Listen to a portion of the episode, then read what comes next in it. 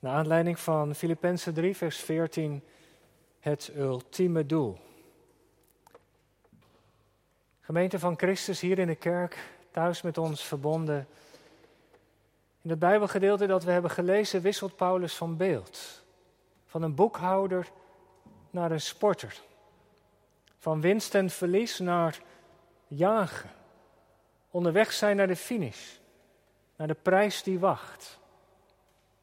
De laatste tijd verschijnen regelmatig biografieën van sporters. Ik weet niet of u of jij dat interessant vindt om te lezen. Voetballers, tennissers, wielrenners. Op jonge leeftijd vaak al succesvol, veel meegemaakt. De worsteling vaak ook met de roem, met de uitdaging, de verleiding van alcohol, drugs, geld. Maar één ding hebben ze allemaal gemeen. Heel hun leven stond in het teken van discipline, van afzien, van trainen, om maar dat ene doel te kunnen bereiken, om een goede sporter te zijn, die perfecte goal, die de snelste tijdens de wedstrijd. Heel hun leven in het teken van dat ene doel. Nou, dat is het beeld dat Paulus gebruikt in Filippenzen 3. Een bekend beeld, zeker in die tijd. We denken aan een stadion, een renbaan. Je ziet daar de atleten rondjes lopen. Dat is het beeld dat Paulus in zijn hoofd heeft. Zodra het stadschot heeft geklonken, snellen ze weg om een aantal rondes in het stadion te lopen. En met gespannen, met al hun inzet, doen ze hun best, want ze weten daar bij de tribune hangt de lauwerkrans die er is voor de winnaar. Zo is het ook in het leven van Paulus, dat dat beeld speelt in dit hoofdstuk door zijn gedachten. Hij is een loper op de renbaan van Christus. Hij is onderweg maar nog niet bij de eindstreep. Hij moet nog afzien, hij moet nog lopen. Daarom zegt hij, ik jaag ernaar, ik ben onderweg naar die finish. Want daar ligt de prijs op mij te wachten. En voor dat ene doel, om daar te komen en die prijs in ontvangst te nemen, heb ik alles over. Al die andere dingen, zoals we hoorden vanmorgen, zijn bijzaak in zijn leven geworden. Zijn afkomst, zijn status, waar hij goed in was. De dingen die hij belangrijk vond, zijn goede naam. Het haalt het niet bij Jezus. En waarom deze focus? Paulus wil niet dat de mensen na hun bekering een punt zetten, maar ze moeten een komma zetten. Hij is bezorgd voor een soort van gearriveerd christendom. Mensen die nu tot ze, die, die als ze tot geloof gekomen zijn in Christus, achteroverleunen, bij zichzelf denken: Zo, nu ben ik klaar. Alsof ze alles al hebben, alsof ze alles al weten. Mensen die tevreden zijn met wat ze zijn en wat ze hebben. Paulus is bezorgd voor christenen die geen verlangen meer hebben. Die niet meer willen groeien. je kunt je er wel iets bij voorstellen. Je hebt hard je best gedaan, eindexamen gedaan, je hebt de HAVO afgerond. En dan komt er zo'n moment dat je tegen jezelf zegt: Nou, schoolbanken, daar ga ik nooit meer naar terug. Die tijd is voorbij. Ik ga lekker werken of wat anders doen. En dat snappen we natuurlijk allemaal best. Dat je op een gegeven moment helemaal klaar bent met school. Maar in feite sta je nog maar aan het begin. Ben je nog niet klaar? Een vervolgopleiding wacht misschien nog. Of als je gaat werken, dan zijn er nog cursussen te doen. En je baas of je leidinggevende wil zeker ook dat je ja, groeit in je werk, dat je meer verantwoordelijkheid aan kan, dat je je verder ontwikkelt. Stilstand is immers achteruitgang. En je zou kunnen zeggen, zo is het in het geloof ook. In ieder geval heeft Paulus dat heel sterk in zijn hoofd. Want dat is wat hij heeft ontdekt. Christus wil ons altijd weer bij zich terug hebben. Hij wil dat we groeien in de kennis van Hem. Hij wil ons meer laten ervaren van zijn opstandingskracht. Hij ziet graag dat we meer lief hebben. Dat we, om zo te zeggen, opwassen in de genade. Dat we vaster staan in onze geestelijke schoenen. Minder afhankelijk van wat de mensen allemaal van ons vinden. En Paulus heeft dat begrepen. Vanmorgen hoorde dat. De Jezus is als die parel of als die diamant. Er zitten zoveel kanten aan zijn persoon en zijn onderwijs. Er is nog zoveel te ontdekken. En elke keer weer als je leest, als je met het woord bezig bent, op de Bijbelkring in de kerk of thuis, dan zijn er weer nieuwe dingen. Vroeger zeiden ze op de leerschool van de geest, ben je nooit uitgeleerd. En zo is het. Gaat een leven lang door. En daarom dus die focus bij de apostel op Christus en het leven met Hem. Hij wacht op ons aan het einde van de, van de wedstrijd van het geloof. De finish staat hij op ons te wachten. Op Hem ben ik gericht. Helemaal.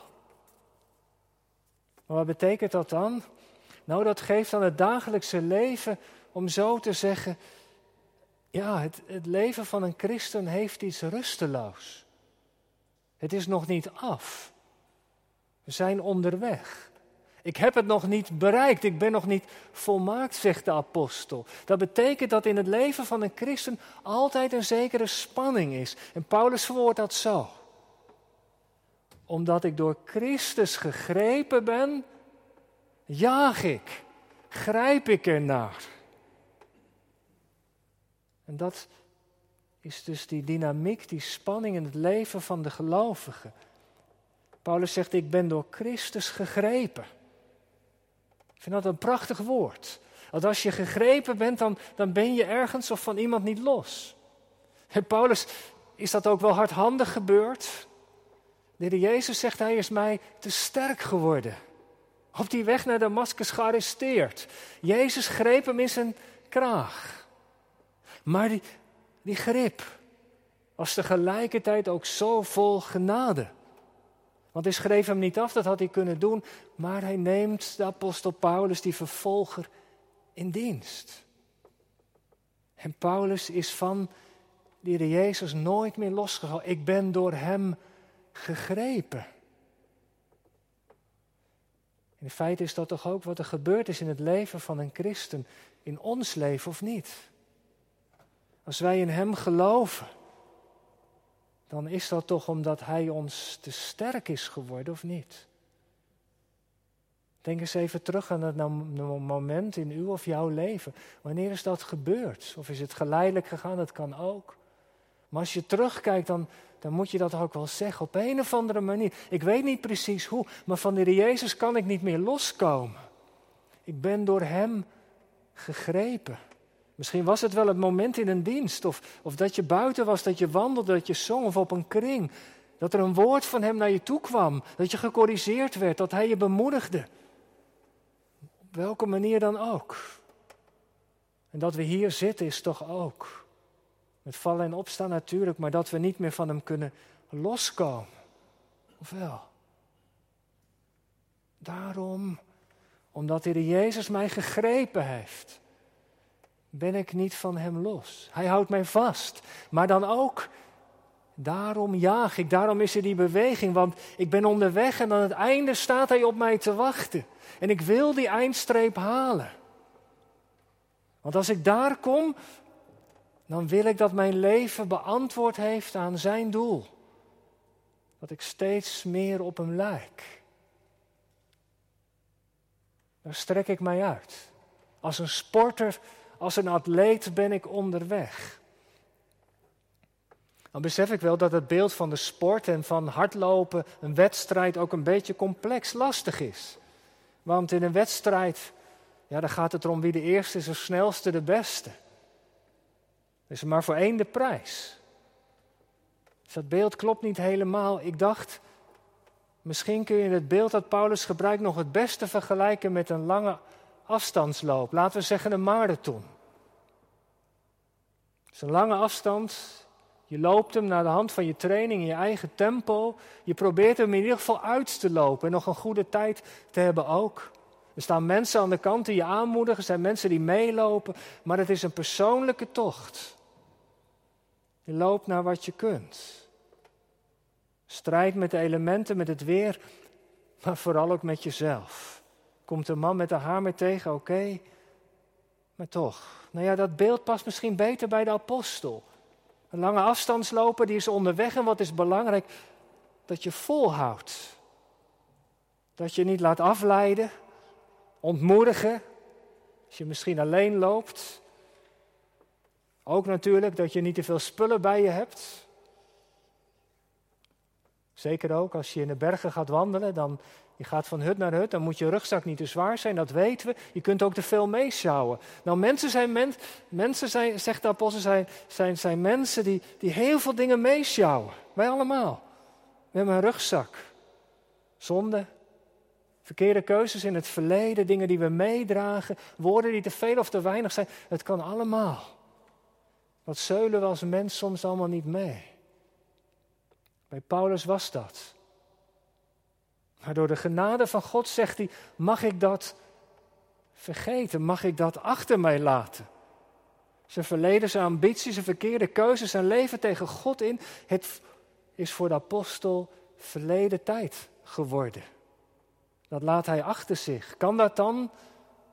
Ja, dat kan. Waarom? Omdat God het hem heeft vergeven. Dat is het geheim van een christen. Zonde hoef je niet mee te zuilen.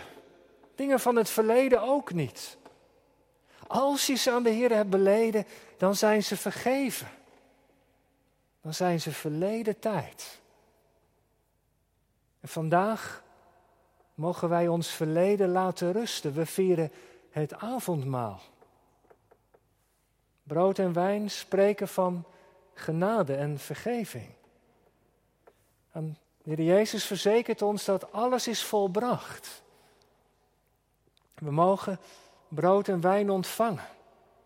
Ons verleden, ons zondige verleden, dat telt voor God niet meer. We mogen opstaan en opnieuw beginnen, het verleden laten rusten, omdat het voor God niet meer telt. Wat is dat bevrijdend? Omdat de Heer Jezus daarmee rekening heeft gehouden, omdat Hij dat van ons heeft overgenomen. En wat moet dat een opluchting geweest zijn voor de apostel Paulus? Heel zijn carrière in een teken van tegen God in, van Jezus vervolgen. En God neemt dat van hem af. Wat een bevrijding. Maar dat geldt voor ons ook.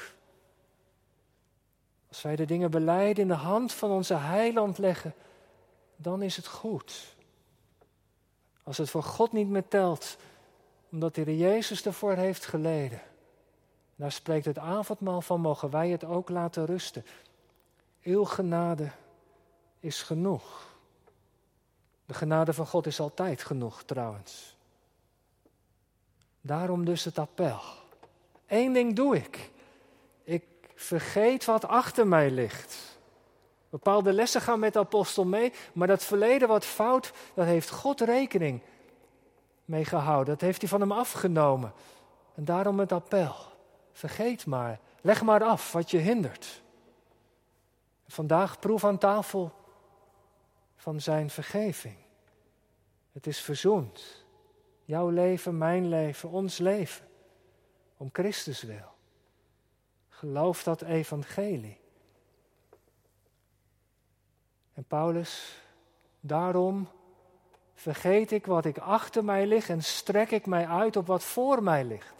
Ik richt mijn oog op degene die voor me uit is gegaan, de overste en leidsman van het geloof. Ik zet mijn treden in zijn spoor. En wat betekent dat? Om de eindstreep te halen, wat moet je doen? Even terug naar het beeld dat Paulus gebruikt. Sporters. Trainen. Ze ontzeggen zich dingen. Ze letten op hun voeding. Ze doen geen dingen die slecht zijn voor hun lichaam. Allerlei parallellen zou je kunnen trekken. En dat is bij ons als christenen niet anders. Om goed op koers te blijven, lezen we de Bijbel, de woorden van God. Zijn we mensen van gebed? Matigen we ons in het kijken en lezen van wat niet goed is voor ons geestelijk leven? We proberen zoveel als dat kan de zondagse samenkomsten te bezoeken, mee te kijken. We laten ons sterken door blote brood en wijn. Dat is de discipline van het geloof. Dat is nodig. Maar we hoeven het niet in eigen kracht te doen. Want de Jezus is ons vooruit gegaan. Er is de, de trekkracht van zijn liefde.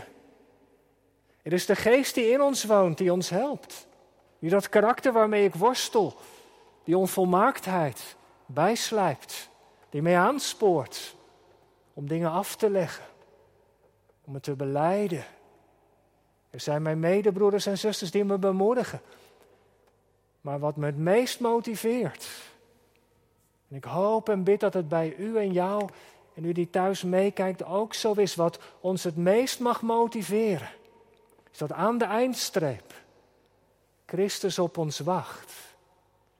Wat zal dat een moment zijn? In zijn kracht de eindstreep bereiken, dat hij ons vermoeide en kwetsbare lichaam in zijn handen neemt, dat hij het nieuw maakt, dat die woorden zullen klinken, welkom thuis. Stel je voor, geen gebrokenheid meer, geen zonde, geen ziekte, geen lijden, geen ongehoorzaamheid, geen problemen met je karakter, al die dingen die je zo naar beneden trekken, maar dan in zijn tegenwoordigheid, God alles en in alles. Dat motiveert me meer dan alle andere dingen, zegt Paulus. En daarom strek ik mij uit. Wat is die prijs? Dat je de Heer Jezus mag zien, van aangezicht tot aangezicht. Weet u, in het Oude Testament was daar die dichter van Psalm 63. Die had er iets van gezien. Mijn God, gij zijt mijn toeverlaat. Naar u, Heer, strekt zich mijn verlangen. Mijn hart wil niets dan u ontvangen. Die leven zijt en leven laat. Of met de woorden van het lied dat we nu zullen horen. Wees mijn verlangen, o Heer van mijn hart. Leer mij u kennen in vreugde en smart. Laat mijn gedachten op u zijn gericht, wakend of slapend, vervuld van uw licht. God geven dat het zo zal zijn. Amen.